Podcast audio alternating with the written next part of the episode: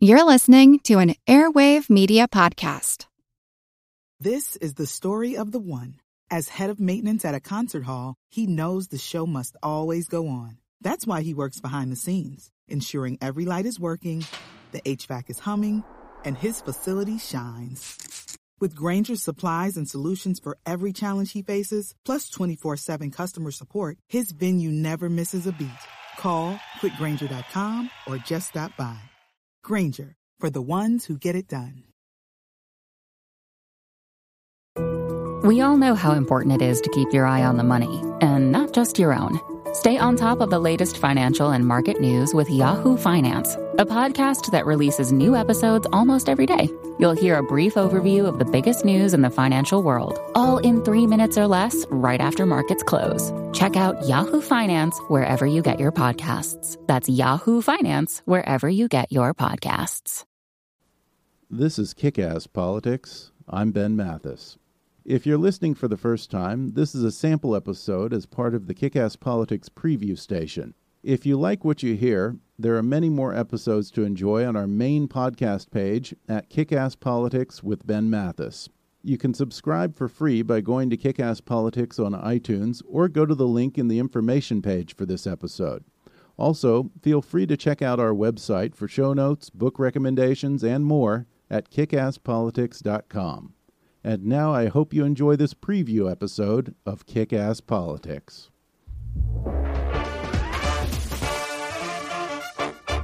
Today's podcast is brought to you by Audible. Audible has over 180,000 audiobooks available to download for your iPhone, Android, Kindle, or MP3 player. And right now, Kick Ass Politics listeners can get a free audiobook as part of Audible's free 30-day trial. Just go to audibletrial.com backslash kickasspolitics or click on the sponsor link on our webpage at kickasspolitics.com and go get your free audio book. Hi, I'm Ben Mathis, and welcome to Kick Ass Politics. Well, this week, President Obama finally got his nuclear deal with Iran, the one he's been so desperate to hang in his presidential library as the crowning achievement of his foreign policy. Iran's happy. Heck, they're celebrating in the streets. Of course, they're also chanting death to America at the same time. Kind of seems ungrateful. The president is happy, or at least that's how he's spinning it. But that's about it. Republicans in Congress are livid over this agreement, and it appears that a good number of Democrats are joining them in denouncing the deal with Iran. Among the P5 plus 1, those are the nations that negotiated for this deal alongside the U.S. That's Britain, Germany, France, China, and Russia. I haven't heard of one of them hailing this deal as some kind of great victory or throwing around the words Nobel Prize. Well, maybe Russia's a little bit happy. After all, Vladimir Putin likes to have friends in low places, and rogue nations don't balk when you invade your neighbor. But Israel isn't cheering, and for once, the neighboring Arab states agree with them. Not only is the prospect of a nuclear Iran a destabilizing factor in the region, but many fear that this deal may be taken as a green light for other Middle East nations, including Egypt and Saudi Arabia, to pursue their own nuclear weapons programs in a deadly game of keeping up with the Joneses. Well, today we're going to find out just what's in this deal and what this means for the U.S., Israel, and the Middle East in general with my guest, Michael Rubin. He's a scholar with the American Enterprise Institute in Washington, specializing in the Middle East and Iran in particular. He served as an advisor to the Secretary of Defense on matters relating to Iran, and he even lived in post revolutionary Iran for a while. He's written extensively on the subject of a nuclear Iran, including his most recent book, Dancing with the Devil The Perils of Engaging Rogue Regimes. In just a moment, he's going to tell me whether the nuclear deal with Iran is a coup for the U.S. and our allies or a complete disaster. You can probably guess which side he falls on. So stay tuned for that in just a moment.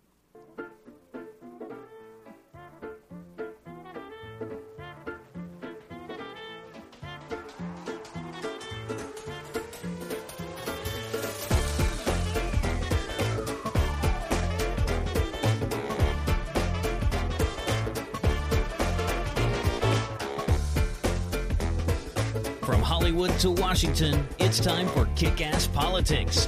And now here's your host, Ben Mathis. Today I'm joined by Michael Rubin. He's a scholar with the American Enterprise Institute. Michael, thanks for coming on the podcast. Hey, thanks for having me, Ben. You've been following this entire process with Iran very closely. First, just walk us through this. What's in this deal? What does Iran get from it, and what do we get out of this? Well, ultimately, what Iran gets is to normalize and legalize its once illicit nuclear program. Back in 2005, the International Atomic Energy Agency had found Iran in noncompliance with its nuclear nonproliferation safeguards agreement. In effect, they found that Iran was cheating and that they were doing covert work they weren't declaring. Of course, over subsequent years, Iran, uh, it was discovered, had covert enrichment facilities and so forth, and there was a whole series of UN sanctions on Iran. All the while, Iran said, look, there's nothing to see here. The sanctions should be lifted and our nuclear program is absolutely peaceful. What this deal has done is basically buy into Iran's line. There's going to be some constraints for the next 10 years or so, but after that, Iran is home free. What does the United States get?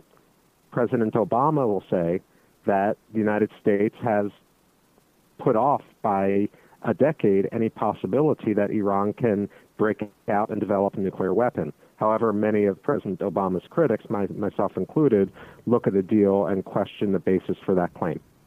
Right after the deal was announced, uh, Hassan Rouhani, the president of Iran, took to Twitter. And here's what he said He said, To our neighbors, do not be deceived by the propaganda of the warmongering Zionist regime. Iran and its power will translate into your power.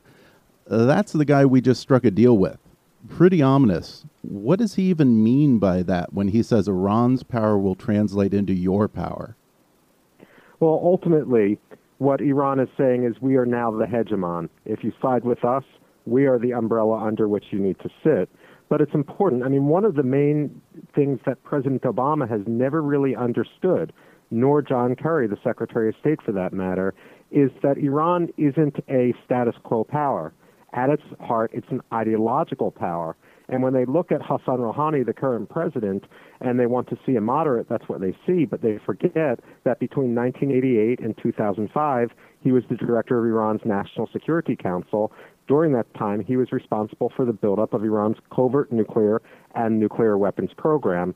As he was about to step down in 2005, he gave a speech at Ferdowsi University in Mashhad, which is Iran's second largest city, in which he basically said, in detailing the history of U.S. Iranian relations, that every point in time, Iran has triumphed over the United States because we have a doctrine of surprise. We lull them into complacency, and then we deliver a knockout blow. I'm worried that, that he's following that, that path to a T. Well, you're right that uh, you know when Hassan Rouhani was elected, everyone was so quick to try and hail him as a supposed moderate, as Margaret Thatcher said of Mikhail Gorbachev. Uh, this was supposedly a guy that we could do business with, and from everything that I've seen, with him attending rallies where they're shouting "Death to America, Death to Israel," just four days before this announcement of this deal, and the things that he's saying, you know, on Twitter and so forth it doesn't really seem like he is the moderate that we thought no, he would be. But then again, yeah. does Rouhani even really matter in this equation? Well, I mean, Ben, first of all, he's not the moderate. You're you're absolutely right with that. He's just very much more careful about his public relations and public face. He's willing to pull the wool off uh, people over people's eyes if he can find enough useful idiots that he can blind, and he's done that very successfully when it comes to Secretary of State John Kerry. But let's say, for the sake of argument, like you suggest, that Rouhani is sincere and that um, Mohammad Javad Zarif, the foreign minister, is sincere. Even if they are as sincere as can be, they have no power to implement this deal. Let's put aside the supreme leader of Iran who calls the shots. On, uh, and he hasn't committed to this deal by any means. All he said is that we need to study it with a fine tooth comb. But it's the Islamic Revolutionary Guard Corps which control the areas of the nuclear program that are most concerned to us. For example, the possible military dimensions, uh, the Parchin military base where Iran in the past worked with nuclear weapons triggers, for example.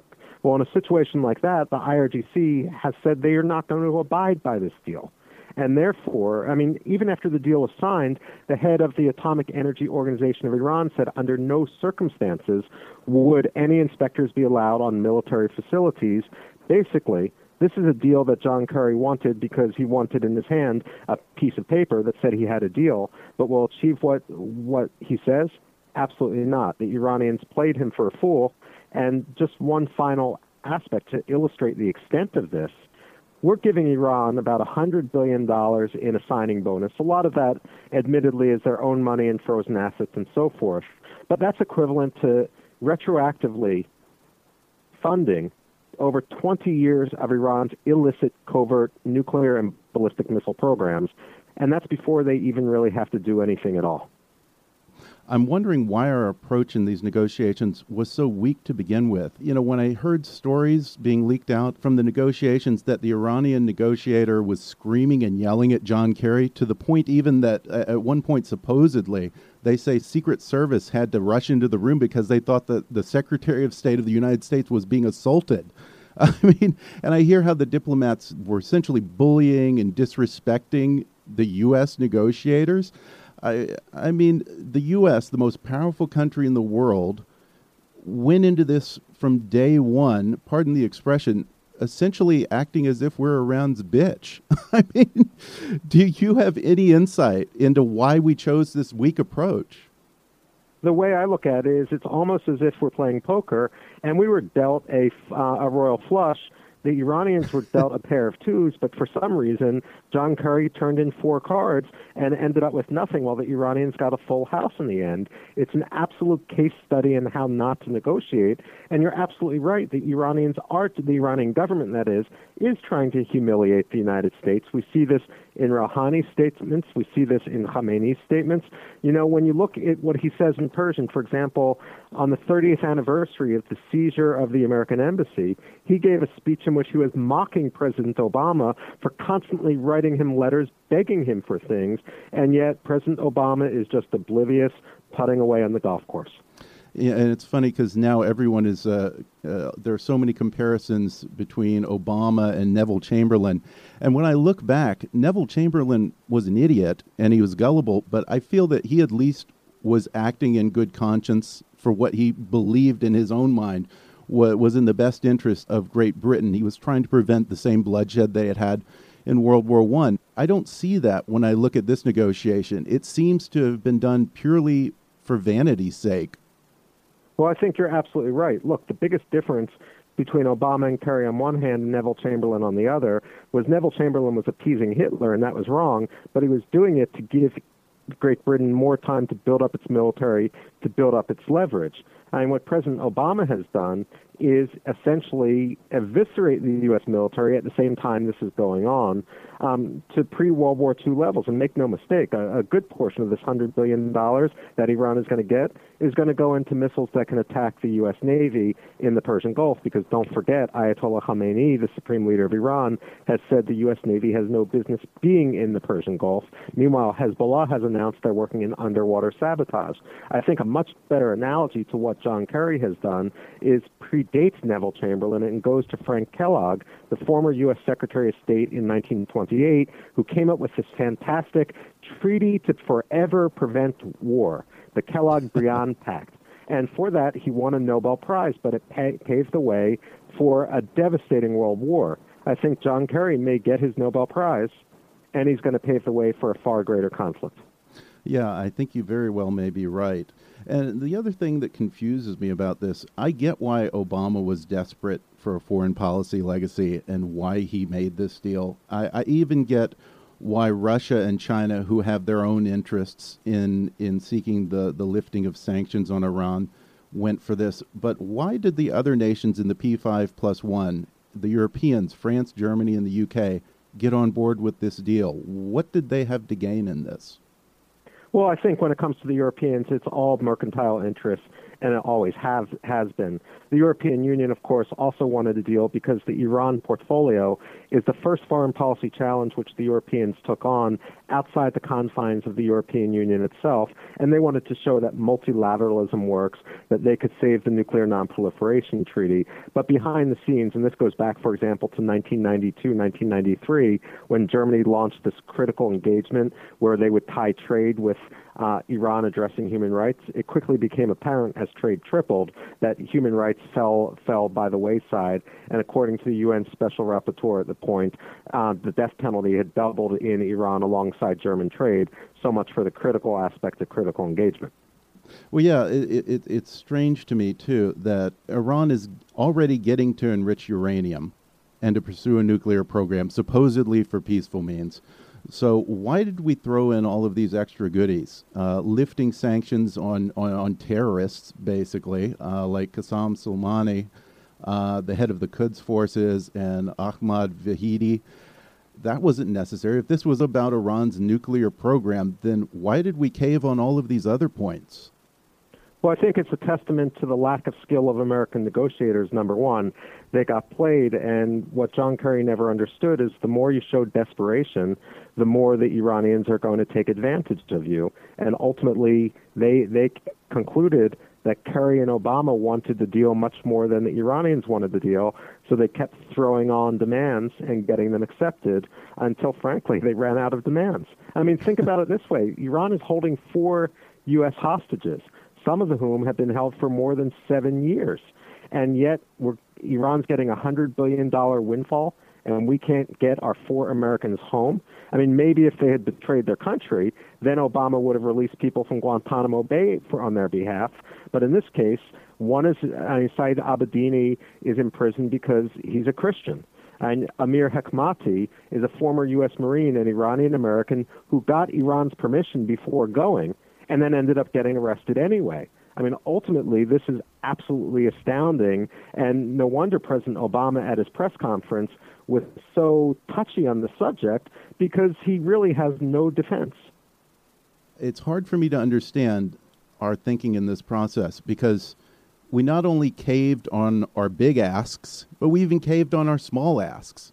I mean, uh, they, I mean, when when it comes time for the Cong- to, for the Senate to look this over, and the metric which they should use is simply comparing what President Obama, Secretary of State John Kerry, and Wendy Sherman said a year or two ago versus what the state of the final deal is. For example, and President Obama, when he was speaking at Brookings, I think in December 2013, re- with relation to Fordo, this under the mountain nuclear facility, once covert, built near Qum, what President Obama said is he sees no reason why any peaceful nuclear program should need a facility like that, and that it wouldn't be in the final deal. And yet, Iran gets to keep it in the final deal. And we have this time and time again. We're allowing Iran five to 6,000 centrifuges. What President Obama doesn't acknowledge is that Pakistan built not a nuclear bomb, but an arsenal of nuclear bombs with 3,000 of the same centrifuges. And this idea of anytime, anywhere inspections, it's actually going to take more than 24 days.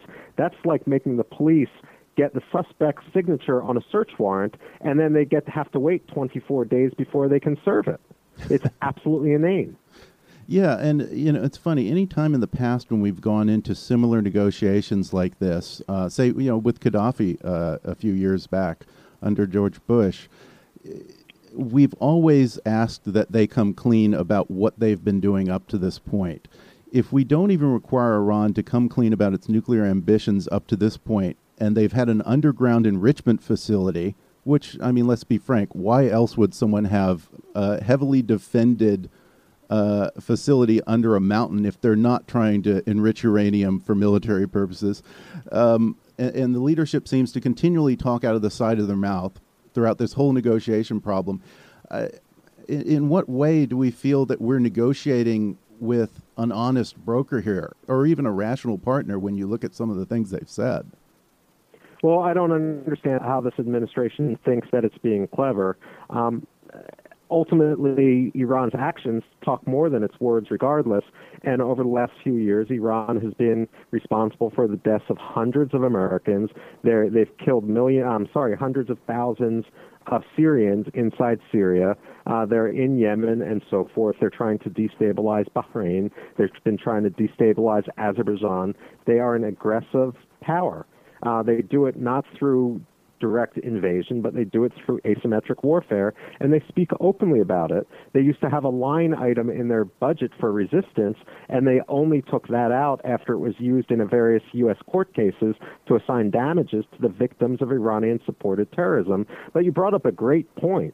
Ben, about um, verification and, and past countries coming clean. In 1991, South Africa decided to give up its military nuclear program. And in order for the International Atomic Energy Agency to certify that South Africa had come in from the cold, they required that South Africa um, come clean on the past 20 years of its activities so that the IAEA could certify that all materials were present and accounted for. That was the baseline.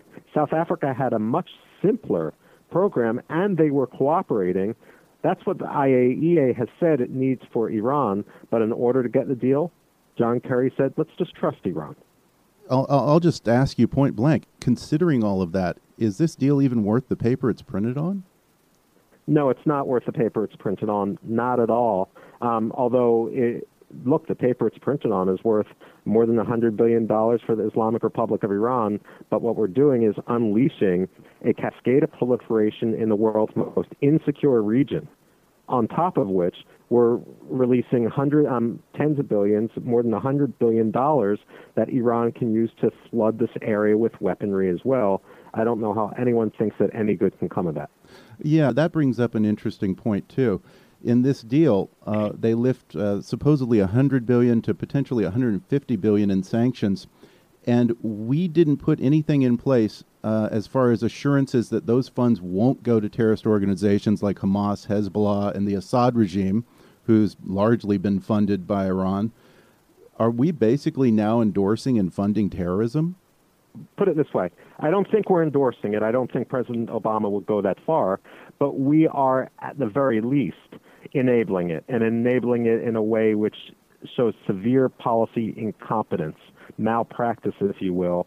And President Obama may think that he is going down as a man of peace. They're not going to name public buildings after him in the Middle East. They're going to be naming graveyards after him. Uh, I, I, fear that you're right. And, and, and when I say endorsing terrorism, it's bizarre to me that we lifted sanctions on people like Qasem Soleimani and Ahmed Vahidi, who are essentially terrorists if we haven't endorsed t- t- uh, these terrorists, then at the very least we've uh, essentially given them complete forgiveness from the U.S.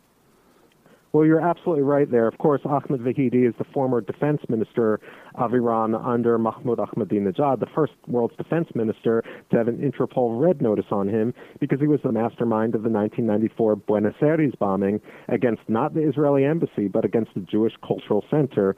And Qasem Soleimani is the man responsible for smuggling in all those explosively formed projectiles, which killed and maimed American forces in Iraq. And by the way, this is after Mohammad Javad Zarif had promised complete non interference in Iraq, uh, which shows that the Iranian foreign minister with whom we're striking a bargain is either a liar or is insincere or he can't enforce his own agreements. Regardless, what really shows the policy incompetence is when Secretary of State John Kerry was challenged with the delisting of Qasem Soleimani. At first, he didn't know about it. Then he said, oh, it's a different Qasem Soleimani. Only when the Iranian press came forward and said, no, this is the guy who's running Iran's operation in Syria, did it turn out that, well, John Kerry was just a complete fool. Yeah, it's amazing how gullible Iran seems to think that we are. Um, but but they they've been known to do things well, like right. this. Yeah. Ben, I mean, I'm sorry, they're absolutely right. We are that gullible. Not we collectively in the audience, but this this this. Uh, the team which President Obama put together, I don't think we've ever seen a similar team in American history in yeah. terms of sheer and utter incompetence. Well, before we go to break, I, I want to read you a tweet by uh, by the supreme leader Ayatollah Ali Khamenei. Uh, right after the announcement of this deal, just eight minutes after the announcement of the deal, the Ayatollah Khamenei wrote on Twitter, it's partner nations like China and Russia who should be watched carefully, not Iran, to make sure that they honor the terms of the landmark bargain. You are well aware that some of the six states participating in negotiations are not trustworthy at all. That struck me as a strange statement, considering that Russia and China have, for a long time now, been the biggest enablers of rogue nations uh, and bad actors in the region, including Iran. Uh, do you have any idea what that was about? Well, you know, when I read that, what I automatically I thought about was um, actually Great Britain, the United Kingdom. The Iranians traditionally and culturally have had an obsession with um, conspiracies emanating from Buckingham Palace.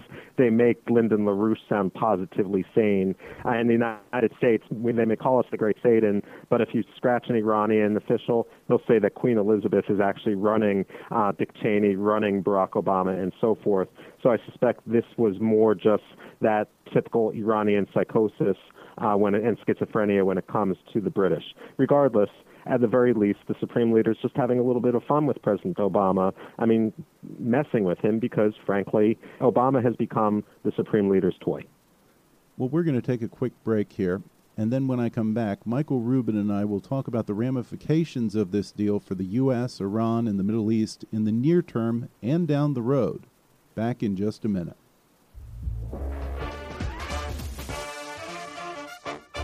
This portion of the podcast is sponsored by Fiverr.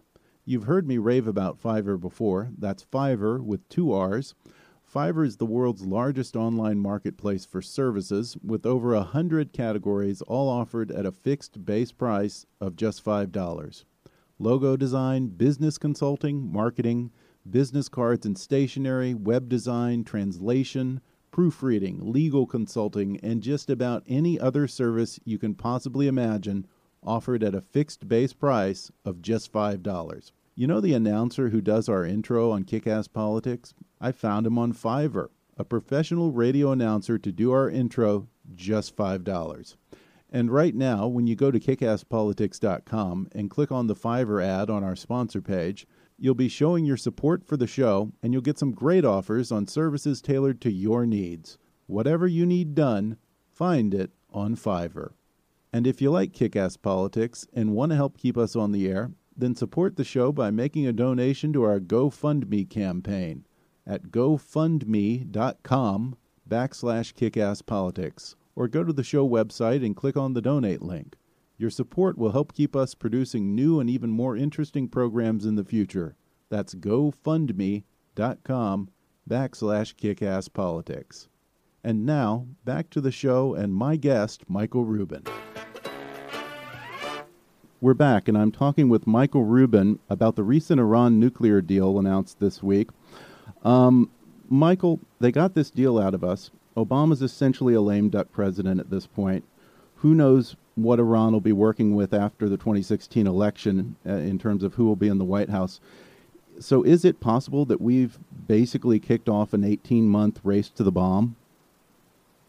Well, I think uh, we've already kicked off the race to the bomb. I don't think the Republicans are really going to be able to do much about this agreement simply because President Obama uh, was completely insincere all along he and his critics and his proxies used the talking point you can't criticize the agreement until you see it. But then once he made the agreement, he designed it in such a way so that it became a fait accompli and basically said, I've already lifted the sanctions. I mean, if you don't follow this agreement, then ultimately all you're going to do is let Iran have $100 billion without any commitments to it.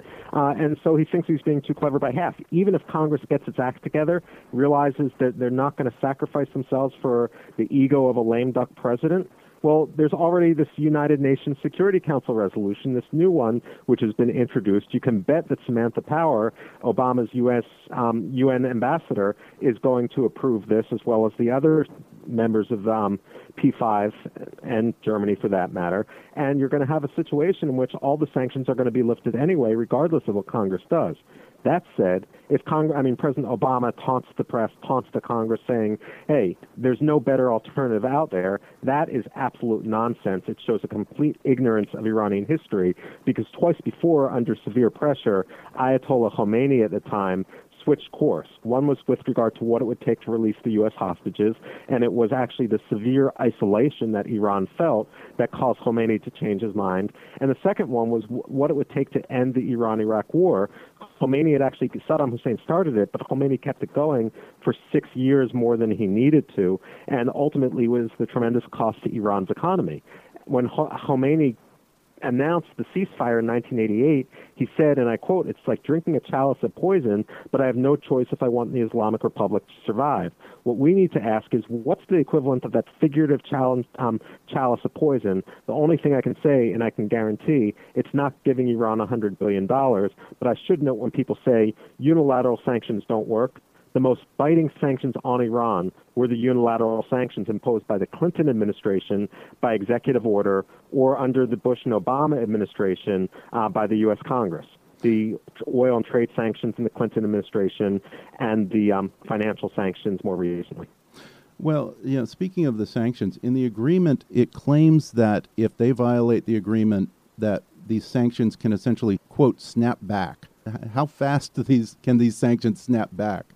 No, it, it it's absolutely not true, Ben. I'm sorry. Um, it's absolutely not true. In theory, you can say it could snap back and it could go to the United Nations, but there's no way to tell the difference between the equivalent of a misdemeanor and a felony. And in short, you have so many people in the White House and in the Kremlin, for that matter, that want this to succeed that it's not going to get kicked back. And even if it does kick back, and this comes only after you go through a committee on which Iran sits, it's highly unlikely that you will have any snapback. And just to ensure that snapback becomes irrelevant, Iran's getting its $100 billion in advance. So what does it care? So, then in a larger context, what does this mean for the region? Have we now put ourselves in a position where in the near future we're going to be going through this exact same process, not just with Iran, but potentially with a half dozen other countries in the Middle East? Well, ultimately, yes. I mean, I bet you as soon as that deal was announced, that you had the Saudis on the phone with the Pakistanis purchasing their own weaponry. What we've done, in effect, is not only politicize foreign policy in the U.S. context in a way that it's going to be hard to come back from. We've convinced our allies that they can't trust us, and that's not just in the region. That involves South Korea and Japan vis-a-vis North Korea and so forth. And we've convinced um, all this region that they have to build up arms to fight and survive themselves because otherwise Iran is going to play roughshod over them. And then you have the taunting tweets, as you mentioned, from Hassan Rouhani and Khamenei basically saying, you got to be with us, otherwise you're against us and you don't want to be against us. And now that we've essentially set off a nuclear arms race in the Middle East, who do you think is going to be next to pursue a military nuclear weapons program? Well, I think it's going to go in order Saudi Arabia, uh, Egypt, and Turkey. Mm. Before we go, the, the last thing I want to ask you everyone talks a lot about breakout time, and supposedly this deal was going to extend the breakout time, the time that it takes for Iran to have a fully functioning nuclear weapon, from two or three months to a year. In your opinion, what was the breakout time for Iran before this deal, and what is the breakout time for a nuclear weapon now? Well, I mean, after saying it had been a year for so long, finally Kerry and Obama came out and said it had fallen to three months beforehand under their stewardship. What this deal does is bring that breakout time, according to the administration, to a year, but that's assuming A, that Iran doesn't have any covert program, and it's never not had a covert program, and two, that it even wants to break out because if they just hold their horses rather than build one crude nuclear bomb, they can have an arsenal of the most advanced nuclear weaponry in a matter of years without violating the deal. Well, Michael Rubin, thank you so much for taking the time to talk about this deal that came out this week. Uh, can this be resolved in Congress? Uh, do you think that there's any solution at this point? I, I think time will tell. I'm a historian, so I get paid to predict the past, but I don't have much faith in, in the Congress at this point. Uh, I'll be honest, I don't either. Well, thank you so much, Michael, for coming on to talk to us about the deal. Scary stuff. Thank you, Ben. If you found my talk with Michael Rubin interesting, he's written extensively on the subject of the Iranian regime and their nuclear ambitions, and you can read more by going to his page on the American Enterprise Institute's website at aei.org. Thanks again to Michael for coming on the show and shedding some light on this unfortunate deal with Iran. On the bright side, until this week, I didn't realize that the leadership in Iran were such big fans of social media. As it turns out, Iran's President Rouhani and the Supreme Leader are basically 16 year old high school girls. And they love, love, love to go on Twitter and talk trash about their new buddy, America. So if you want to have some fun with them, then get creative and come up with a clever hashtag to show your opposition to the nuclear deal with Iran. And while you're at it, be sure to tag us on Twitter when you do so. Our Twitter handle is at KAPolitics. So have fun with that, folks, and the winner of the best hashtag will have a fatwa declared against them by the Iranian Supreme Leader Ali Khamenei. I hope you'll subscribe to the podcast on iTunes so you can automatically get new episodes as they become available. And while you're there, I'd appreciate it if you left us a review. That helps a lot with the show's rankings on iTunes. And if you like kick ass politics and want to help keep us on the air, then please support the show by making a donation to our GoFundMe campaign at gofundme.com backslash kickasspolitics. Or go to the show website and click on the donate link. Your support will help keep us going and will be greatly appreciated. As always, I welcome your comments, questions, and suggestions at comments at kickasspolitics.com or leave a voicemail on the toll free listener hotline at 844 KA Politics. In the next episode, we'll stay on this subject when we talk about the nuclear deal with Iran as it relates to Israel with my guest, Danny Ayalon. He's the former Israeli ambassador to the U.S., and he served as deputy foreign minister under the current Prime Minister Benjamin Netanyahu. He'll discuss what this deal means for Israel. I'll give you a hint, it's not good. Plus, we'll also talk about the frosty relationship between the Israeli Prime Minister and President Obama, and what Netanyahu's next move may be in response to a nuclear Iran. All that and more in the next podcast. But for now, I'm Ben Mathis, and thanks for listening to Kick Ass Politics.